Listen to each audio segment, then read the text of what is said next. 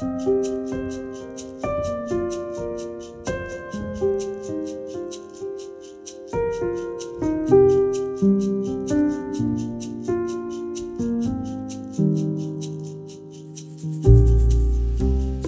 i dag vil jeg lese et utdrag fra den siste boka jeg har vært med å skrive, sammen med Torstein Eidem Nordahl og Egil Elling Ellingsen. Boka heter Fem toneangivende personer. I denne boka tar vi utgangspunkt i Efeserbrevets kapittel fire og omtalen av fem ledere, ledertyper, som er gitt til menigheten, nemlig apostelen, profeten, evangelisten, læreren og hyrden. Og jeg leser fra bokas del tre, kapittel tre. Det var en brokete gjeng av ledere Jesus hadde sett seg ut. De kom fra ulike lag av folket. Barket seloten Simon noen ganger sammen med tolleren Matteus i politiske diskusjoner om romerne skulle fordrives eller samarbeides med? Og hvordan kunne Jesus våge å satse på to brusende brødre som gikk under kallenavnet Tordensønnene? Kanskje fordi Jesus så den viljestyrken som skjulte seg bak temperamentet, og som gjorde Jakob til den første martyr for sin tro, og Johannes til et standhaftig vitne helt til sin død, tross fangenskap og motstand. Jesus så potensialet i sine disipler.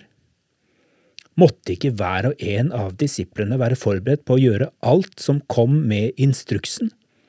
måtte de ikke i alle fall være innstilt på å fylle flere roller. Helt sikkert, og etter hvert som de ble mer og mer modne imitasjoner av Jesus, lærte de nok å bruke flere stemmer enn det som først falt naturlig for dem. Slik har det da også fortsatt gjennom hele kirkens historie. Enkeltmennesker har vokst til større modenhet i Kristus og fylt roller de aldri hadde forestilt seg. Og likevel er det noe med vår forskjellighet som mennesker, selv om vi måtte være aldri så modne. Vi trekker tilsynelatende i ulike retninger og vektlegger ulike ting ved oppdraget. Ofte spiller vi ulike deler av det ut mot hverandre, for eksempel kallet til å være i stadig bevegelse og møte verdens mennesker der de er, og kallet til å bevare uforandret det som er overlevert oss.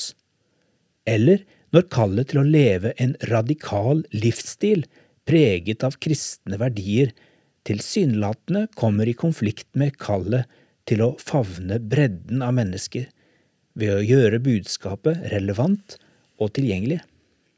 Da faller vi lett for fristelsen til å tro at vår forskjellighet utgjør en trussel mot gjennomføringen av oppdraget, og så skiller vi lag og går hver våre veier.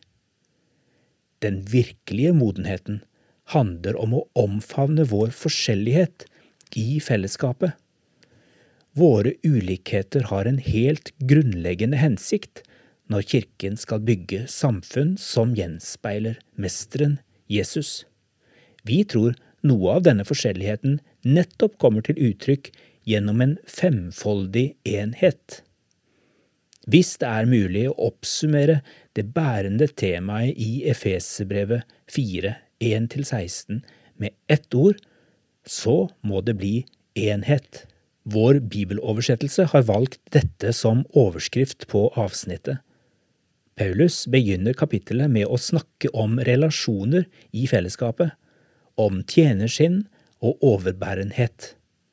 Og så tar han for seg en slags trosbekjennelse som tydeliggjør at det felles grunnlaget de kristne står på, er helt avgjørende for åndens enhet. Denne enheten bygger på grunnleggende sannheter som ikke er oppe til diskusjon. Vi aner at læremessige konflikter spøkte i bakgrunnen også i den tidlige kirken.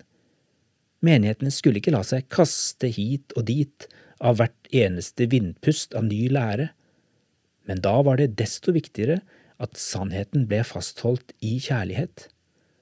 Det er som om han sier at det ikke er noen sannhet uten kjærlighet, men heller ingen kjærlighet uten sannhet. Midt i denne nydelige talen om betydningen av enhet trekker Paulus plutselig frem de fem utrustningene. Det er disse som sammen kan bidra til å holde fellesskapet sammen. I kirken er reell forskjellighet en forutsetning for en bunnsolid enhet, og reell enhet en forutsetning for en sunn forskjellighet. Dette er idealet.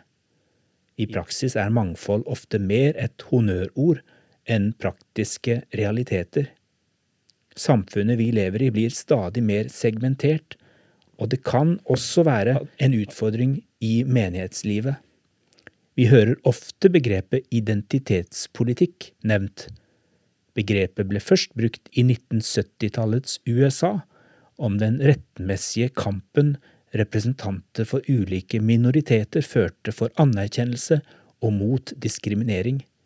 I dag kan det synes som stadig flere definerer seg innenfor en minoritet i kamp med en større gruppe de er en del av. Da har identitetspolitikk blitt et symptom på økt polarisering og konflikt.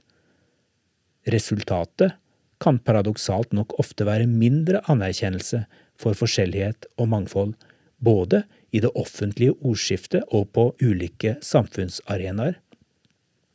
Polarisering er det motsatte av mangfold. Vi havner i skyttergravene istedenfor å skape møteplasser. Dette er på mange måter djevelens egen strategi. Det greske ordet diabolos har sin grunnbetydning i det å baktale og spre usannheter. Nyanser viskes bort. Mennesker settes opp mot hverandre. Dette er både en utfordring og en mulighet for kirkens måte å tenke om fellesskap på. For i vårt arbeid med det femfoldige har vi erfart at en menighetskultur som heier på forskjellighet, muliggjør virkelig enhet. Det skapes møteplasser. En menighetskultur som favoriserer likhet, bereder grunnen for splittelse. En sunn femfoldighet kan motvirke et totalitært og undertrykkende lederskap og bidra til modenhet og balanse, noe som er en absolutt forutsetning for å bevare enheten over tid. Det femfoldige lederskapet må vise i praksis at hver og en gjensidig underordner seg hverandre i Kristi kropp. Det taler for en varsomhet med å plassere noen over og under i et strukturelt hierarki. Ofte har det båret galt av sted. Likevel må det finnes en dyp respekt for hverandres forskjellighet og ulike utrustning. Det er dette som skaper en gjensidig avhengighet, et slags system av checks and balances. Kan ikke en tanke om det femfoldige lederskapet paradoksalt nok begrense det mangfoldet vi her er så opptatt av å løfte frem? Bare fem distinkte kategorier fanger da heller ikke opp forskjelligheten i mennesker og menigheter. De gjør ikke det. De fanger ikke opp kompleksiteten og mangfoldet verken i Guds skaperverk eller i Guds rike. Det er derfor vesentlig at det vi kaller femfoldig samspill, ikke blir et verktøy for å plassere mennesker i lukkede båser. Det er en stadig fristelse i alle populære modeller som omhandler ledertyper og personlighetstrekk.